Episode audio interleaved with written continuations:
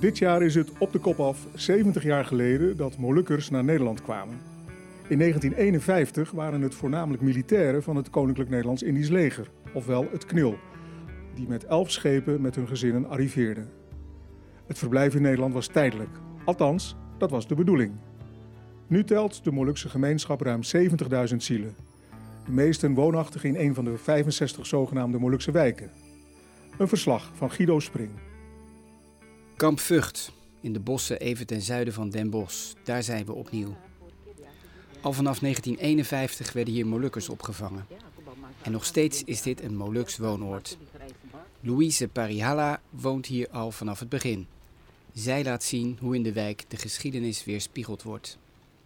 De straatnaam in Lunette is uh, ja, vernoemd naar de, um, naar de schepen waarmee we naar uh, Nederland zijn gekomen. Ja. En uh, um, dat is de Astorias. Ja, een van de grote schepen. Daar ben ik ook mee gekomen, hè, met de Astorias. Ja. En in de Astorias, Asturias heet het eigenlijk, maar de mensen spra spraken het uit als Astorias. Ja. En uh, ja, in de straat Astorias, daar woon ik. Oh, dat is helemaal mooi zeg. Ja. ja, en dan heb je volgens mij, uh, is dit uh, Kota Inten. Ja. Het eerste schip wat hier aankwam, die, die kwam hier aan op 21 maart. 1951. 1951. En mijn schip, de Astorias, op 15 mei, ook 1951. En verder heb je hier de Goya, de Roma, de Versi. In totaal zijn er uh, elf schepen geweest. Ik denk dat de Kota Intet zelfs twee keer gevaren heeft. Ja, dat heb ik ook gehoord. Volgens ja. mij was dat het eerste en tegelijk ook de laatste vaart. Ja, klopt. Dus ja. dat is wel bijzonder dat die namen van die schepen hier dan ook weer ja, terugkomen. Na de Kota Inten, die ongeveer duizend Ambonezen naar Nederland bracht, arriveert de Atlantis in Rotterdam met een tweede contingent van 925 Ambonese passagiers. Voornamelijk ex-knilmilitairen met hun vrouwen en kinderen. Voor de ontscheping hebben de moeders en vaders de handen vol om hun kroost warmpjes in te stoppen. Want buiten is het guur echt Hollands voorjaarsweer. Op een gegeven moment zijn veel mensen hier vanuit woonoord Lunette in Vught vertrokken naar andere Molukse woonwijken, elders in het land. En sommigen zijn gebleven. Hoe ging dat in zijn werk? Was daar een keuze? Ja, dat is een keuze. Dat is een keuze. Sowieso is het natuurlijk uh, op een gegeven moment wordt het kamp te klein. Hè? Worden kinderen geboren en op een gegeven moment was dat ook de zelfzorg. Uh, de Molukkers moesten voor zichzelf en hun eigen onderhoud uh, zorgen. En um, toen, werden, toen werd besloten om overal in het land eigenlijk woonwijken te bouwen. Vaak werden die woonwijken gebouwd bij een fabriek. Want de mensen die bijvoorbeeld in Vught, die zijn bijvoorbeeld heel veel gingen bijvoorbeeld in Leerdam bij de glasfabriek werken. En Oh ja. daar, ja goed, um, dan gingen ze per bus daar naartoe. En in, nou goed, in Leerdam werd dus een wijk gebouwd en daar gingen de meeste mensen naartoe. En de rest waren dus mensen die ook bewust gekozen hebben om niet te gaan verhuizen. Uh, waaronder mijn ouders, ik kan niet zeggen dat ik het ben, mijn ouders en nog meer andere ouders. En na 35 jaar wonen in, in Lunette werd gewoon over onze hoofden heen besloten dat het kamp ontmanteld moest worden. Ja, en dat was en daar de- hebben we ons hevig tegen verzet. Ja, ja, want ergens in de loop van de jaren 80 werd een beetje besloten van, nou ja, die kampen die moeten dicht. En toen kwam, was dat hier dus ook aan de orde. Dat was zeker hier aan de orde. Maar mensen werden boos. Wij werden ontzettend boos en alles in het werk gezet om niet te hoeven verhuizen. Uiteindelijk volgden er een paar rechtszaken. En die rechtszaken hebben we gewonnen. De rechter heeft besloten dat wij hier mogen blijven wonen in een verkleinde vorm. De barakken zouden in eerste instantie gerenoveerd worden, maar bij het eh, afhalen van de dakplaten bemerkten ze dat de dakspanten helemaal vermolmd waren, verouderd. En toen werd besloten om het kamp helemaal af te breken en een nieuwe wijk van te maken. Maar u heeft ook als volwassene wel in de barakken wel slechte omstandigheden meegemaakt. Ja. Volgens mij heeft u ook wel eens ratten gehad en Ja. dat soort dingen. En dat- Vertelt u dat eens dan? Ja, nou, het was in, ik trouwde in 1970. Ik leerde mijn man kennen. Hij woonde Ook hier? ook hier. Ik Ja. woonde in brak 24, mijn man in brak 7. En op een gegeven moment kwam in brak 9 een paar kamers vrij. En nou, toen besloten we maar daar te gaan wonen. En eh, ja, nou ja, je begint natuurlijk met het opknappen van de kamers. Dus op een gegeven moment eh, hebben wij dus vloerbedekking gelegd in de kamer. En de volgende dag kwamen we terug, lag er, eh, zat er een heel groot gat in de vloerbedekking. Want onder dat gat was ook een gat in de vloer. Oh jee. Want dat is een houten vloer. Ja. En brak, in brak 9, een van de lelijkste barakken, een van de slechtste barakken. Alle andere barakken hadden stenen vloeren, maar wij hadden een houten vloer. Nou goed, toen zijn we daar gaan wonen. Ja, en midden in de nacht dan hoor je ook boven eh, die ratten heen en weer rennen. En eh, ja, en op een gegeven moment, wij, wij eh, sliepen daar, ik had inmiddels een kind gekregen. En dan eh, zie je dus die ratten in de keuken. Ja, en dan eh, mijn keuken, hè, vanaf de muurzijde, iedere dag kwam er een gat. En dan ga ik naar buiten en zie ik straatstenen en doe ik een straatsteen op dat gat. En dan. En dan werd dat gat werd hoe langer, hoe groter. Want ze vreten eh, maar door. Dat lijkt me heel akelig. Dat is heel akelig. Dus op een gegeven moment zei mijn man van, nou, ik ga een buks kopen. Zo'n windbuks. Zo'n windbuks. Nou, midden in de nacht.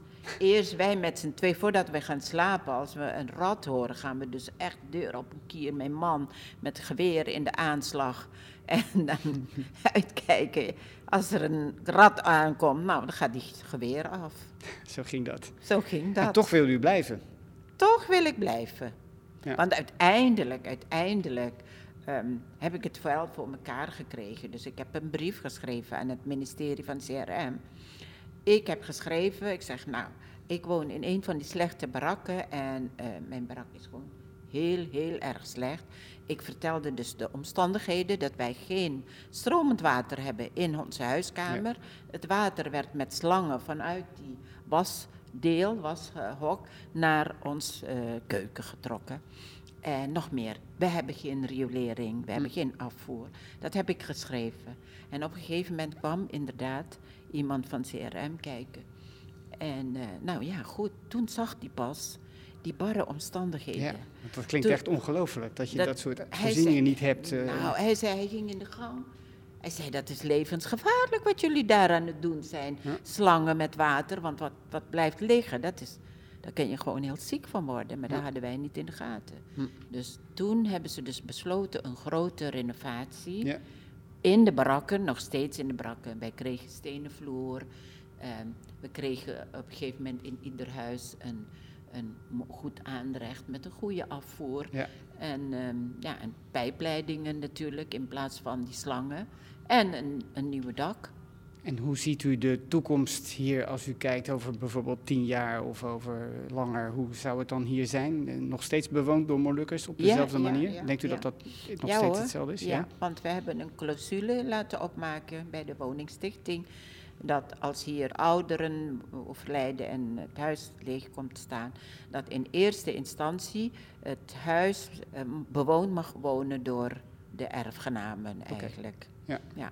En er mogen hier geen Nederlanders komen wonen en ook geen anderen. Maar er zijn geloof ik wel partners van eh Molukse mensen die hier wel bij zijn gaan ja, wonen. hè? dat. Die wel, ja. mogen hier blijven wonen. Ja, Ja. ja.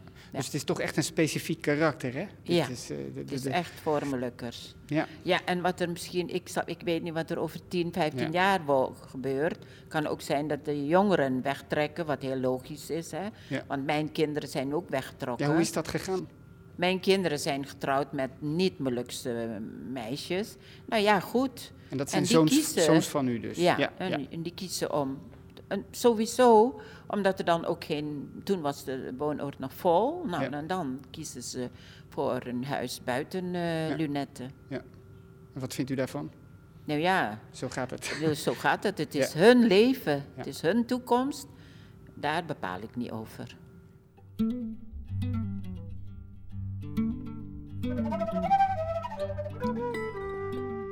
Een van de oudste bewoners van Kamp Vught is Ietje Tua Patinaya, nu 87 jaar.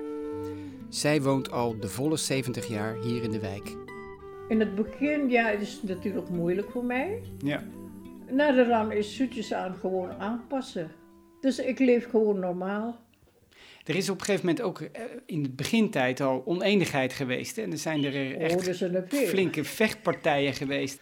Dat is eh, in, de heel, in het begin, in het kamp, is allemaal eh, protestante mensen en katholieke mensen. Dat Ja. zijn de Keinezen. Keinezen waren katholiek Ik en de Ambonezen hoe- merendeel protestant. Er was de meerderheid, maar die werden op een gegeven moment niet met elkaar eens. Nee. Ja, een pastoor, ik heb het zo horen vertellen, een pastoor was gekomen om die, eh, die katholieke mensen uit te zoeken.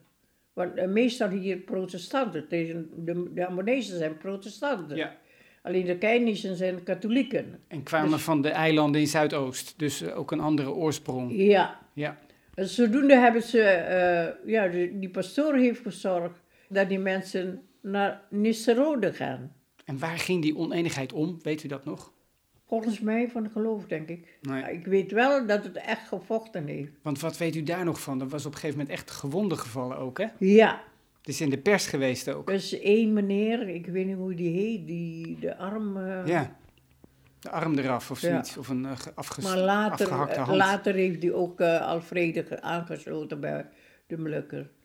En de mannen waren natuurlijk vaak werkloos, want die mochten niet werken. Nee, Dus dat zal ook niet in helpen. het begin mogen de mannen niet werken, omdat wij eh, per week drie gulden ge- ontvangen. En de kneelmannen waren ontslagen. Totdat wij een eh eh 60% eh, zelfzorging krijgen. Oh ja. Daar gaan de mannen weer we beginnen te, een werk te zoeken. Hm. Maar er was ook een relletje hoor, tussen ons Ja. mensen. Ja. Ja, eens. ene gunt de andere niet werken. hè. Want we komen hier om, eh, niet om te werken. Hun moeten, we, eh, de Nederlandse regering moet ons verzorgen. Ja, Ja, die situatie dat zijn allemaal politieke eh, denkbewegingen. Ik Ja. weet het niet hoor. ja. Maar ik weet enkel maar dat het ontstaan, uw werk, ik niet. Dacht u zelf ook niet van op een gegeven moment gaan we allemaal terug? Want dat was natuurlijk In het aanvankelijk. begin wel. Dat was de dus, bedoeling, hè? de, de eerste groep, ik denk dat de tweede groep, eerste en tweede groep, die is al terug naar, eh, naar Indonesië. Ik wist wel, dat is eh Chorus eh Tamaella, dat is mijn neef. Hm. Die is als leider van een andere groep. Ook Molukse mensen, maar die willen naar terug naar Ne- Indonesië. Er zijn er tweemaal groepen, denk ik, die naar Indonesië gaan. En hoe is nou in de loop van de jaren het veranderd hier, het woonwoord? Eerst ja, was het In- in- opvang echt en heel zo. in het be- begin is echt saamhorig. Ja? Maar eh, met de jaren mee is heel veranderd. Ik meen, de helft van de eerste generatie hè, is het kamp nog eh, gezelliger. Hm. Samenhorigheid, alles. Maar het vallen van de eerste generatie, komt de tweede en derde generatie, is helemaal veranderd. En hoe anders dan? Dat hulpvaardigheid is er niet meer. Dus ja, je ziet hem enkel maar gewoon bij eh, begrafenis, huwelijksfeest of doopfeest. Dus alles bij elkaar. Dus mensen komen minder bij elkaar over de vloer, zou je Ja. zeggen? Mhm. Sinds wij in deze woning komen te wonen, is het eh verwesterd. Bij de barakken zie je elkaar, ontmoeten je elkaar vaak, hè? Ja, Maar nou in, in dit gebouw, je eigen woning. je eigen woning. Of je moet dan zelf naar de buren gaan, of, of andersom. Dat is echt En anders. s- eh, de, de omgang van de jongeren en de oudere generatie is niet zo Hmm. denderend. Maar is er wel voldoende respect? Of heeft Respect hebben ze dat wel, hè. Respect hebben we wel. Want dat is heel belangrijk, maar eh, eh, de band tussen de ouderen en de jongeren is met een afstand. Mhm. Heeft u ooit gedacht om ergens anders te gaan wonen of niet? Nou, nee. Want er waren, op een gegeven moment waren de omstandigheden natuurlijk niet zo best. nee. Nou, ik zou het niet willen. Nee. Nee, weet je waarom? Ten eerste de natuur, de luchtverzuivering en de omgang van de mensen. Dat je rustig blijft en de veiligheid. Nou, ik zou nooit willen eh, buiten wonen. En is het dan ook fijn om tussen alleen maar Molukse mensen te wonen? Of, nou, nee hoor. of dat maakt niet Want ik heb ook veel Nederlandse eh, mensen eh, als vrienden. Dus het is niet vreemd voor mij. Ik beschouw het gewoon als hetzelfde. Alleen ja, Nederland en hier Molukken. Maar verder zijn we allemaal mensen. En vond u het nooit ver weg van de stad en zo bijvoorbeeld? Want je zit toch geïsoleerd. Dat wel. Dat is wel Het zo, is hè? moeilijk voor ons. En het is fijn hier om te wonen, maar over vervoer Ja, is moeilijk voor ons. ja. Voor mij tenminste, want ik heb hier U auto's. bent op leeftijd natuurlijk ja, ook. en ja. eh, ik kan niet meer fietsen. Dus het is moeilijk voor mij. Voor de anderen is ook, ik denk dat het ook hetzelfde als ik hoor. Want het is een end weg, hè? Naar, eh, het is een eindweg. Ja. of naar, Bijna eh, iedereen hier, hier- heeft hier een auto. Hoe zou u de toekomst zien van hier woonoord Lunette in Vught? Het is natuurlijk Hoe moeilijk te voorspellen, maar hoe, denkt u, hoe lang denkt u dat het blijft bestaan? Ooit was het de bedoeling dat het tijdelijk was natuurlijk, maar Nou, nee hoor, daar blijven gewoon staan. denkt u dat het lang blijft? Ja? Ja, Ook met de nieuwe generaties, want er zijn natuurlijk jongeren die Ja, buiten het kamp gaan wonen en zo. ik zie wel de jongeren die als die flink sparen, dan gaan ze allemaal op vakantie naar Molukken. Oh ja, nog steeds hè? Ja, die- nou, nou valt de jongeren eh, gewoon eh, de voetspoor van de ouderen. ja, dus dat ziet u niet veranderen. Het is niet veranderd hoor. Wat, wat dat betreft, dus samenhoren van de, van Molukse mensen is niet veranderd. Die identiteit lijken mensen heel sterk te voelen hè? Ja, het ideaal blijft nog steeds voor ons. En een eigen republiek, is dat nog steeds iets wat mensen hopen? Of Nog is steeds. Dat, ja? Ja, nog steeds. Nou komt de jongeren ook op. ja, Dus eh, ik weet niet tot het wanneer, ja, dat mag Dat eh weet u Joost wel weten. ik wacht gewoon af, misschien haal ik wel of misschien haal ik niet. ja. Ik kan mijn toekomst niet bepalen.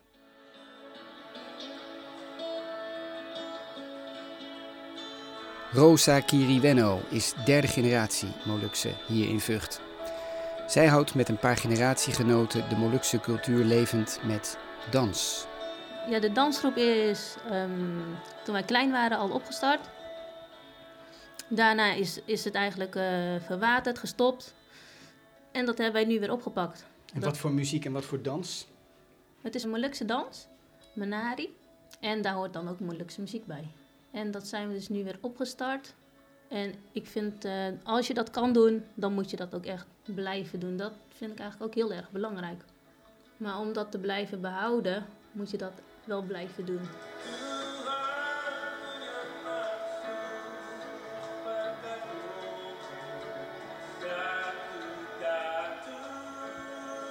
Dit was 65 jaar Molukkers in eh, Vught. Filmpje even erbij gepakt. En ehm, de organisatie wou heel graag een ehm, dansgroep uit Vught zelf hebben.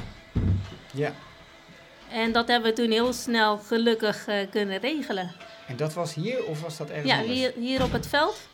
Zo te zien een soort grote tent neergezet als ik het filmpje zo bekijk. Een tentdoek erboven. Dus dit is een paar jaar geleden geweest. Ja. En toen zijn er toch best wel veel eh, meiden die zich toen hebben opgegeven om dat, toch weer samen te komen. Ja. Dit is een stukje intro met de zakdoekendans. Oké. Is Sierlijke onder, eh, bewegingen. Hè? Dit is onder leiding van uh, Lorraine Katmairoeboen. Mhm. Dat is zij. Maar het ziet er mooi uit, hè, die dans. Het zijn hele sierlijke bewegingen met... eh, ik zag de dames in witte rok en mooi Ja. gekleurde kleding aan. Dat hoort er allemaal bij. Ja, hangt afhankelijk van welke dans je doet. Ja, Want hierna komt de obbor. Dat En is hoe- een fakkeldans. Ja. En daar heb je weer andere kleding. Oké. En is dat leuk om zo even terug te zien? Dat is fijn om terug te zien. Ja, je krijgt echt een warm gevoel weer van, ja.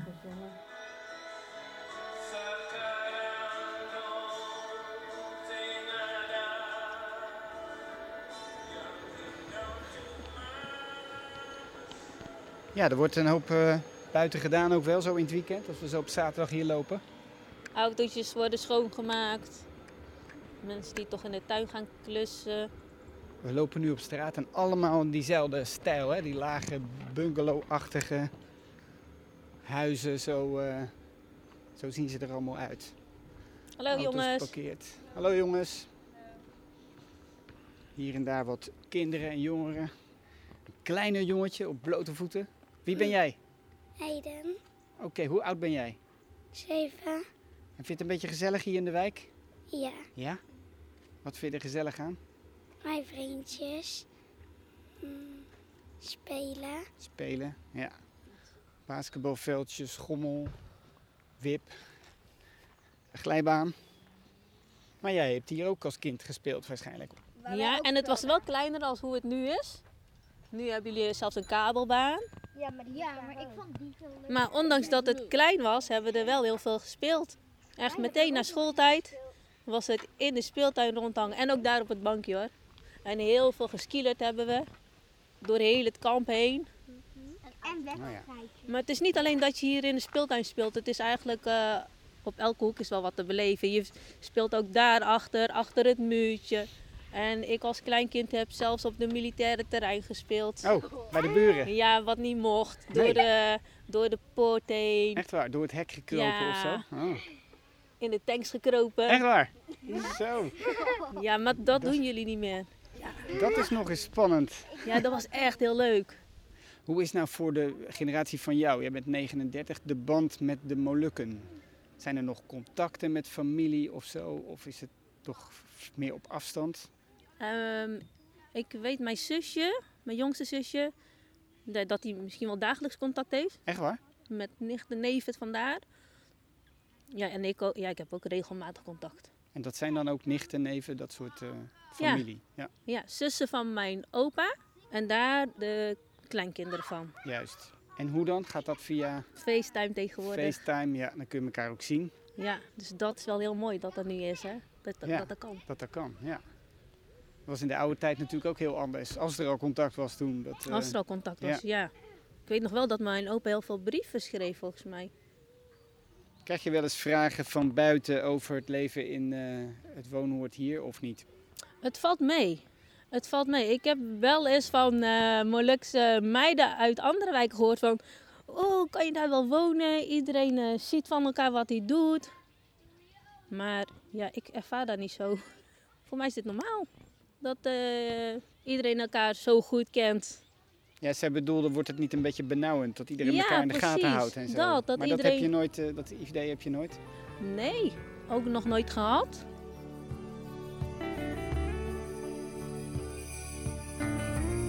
Deze aflevering van de podcast Molukse Wijken, Eiland in Polderland, is gemaakt door Guido Spring. Een project van stichting Sonodox. Aan deze serie werken mee Victor Jozef, idee en productie, Guido Spring en Sam Jones, verslaggevers, Rob Gerritsen, audio-nabewerking, Magda Augustijn, distributie en mijn naam is Rocky Tuhuteru. Kijk voor meer informatie op moluksewijken.nl.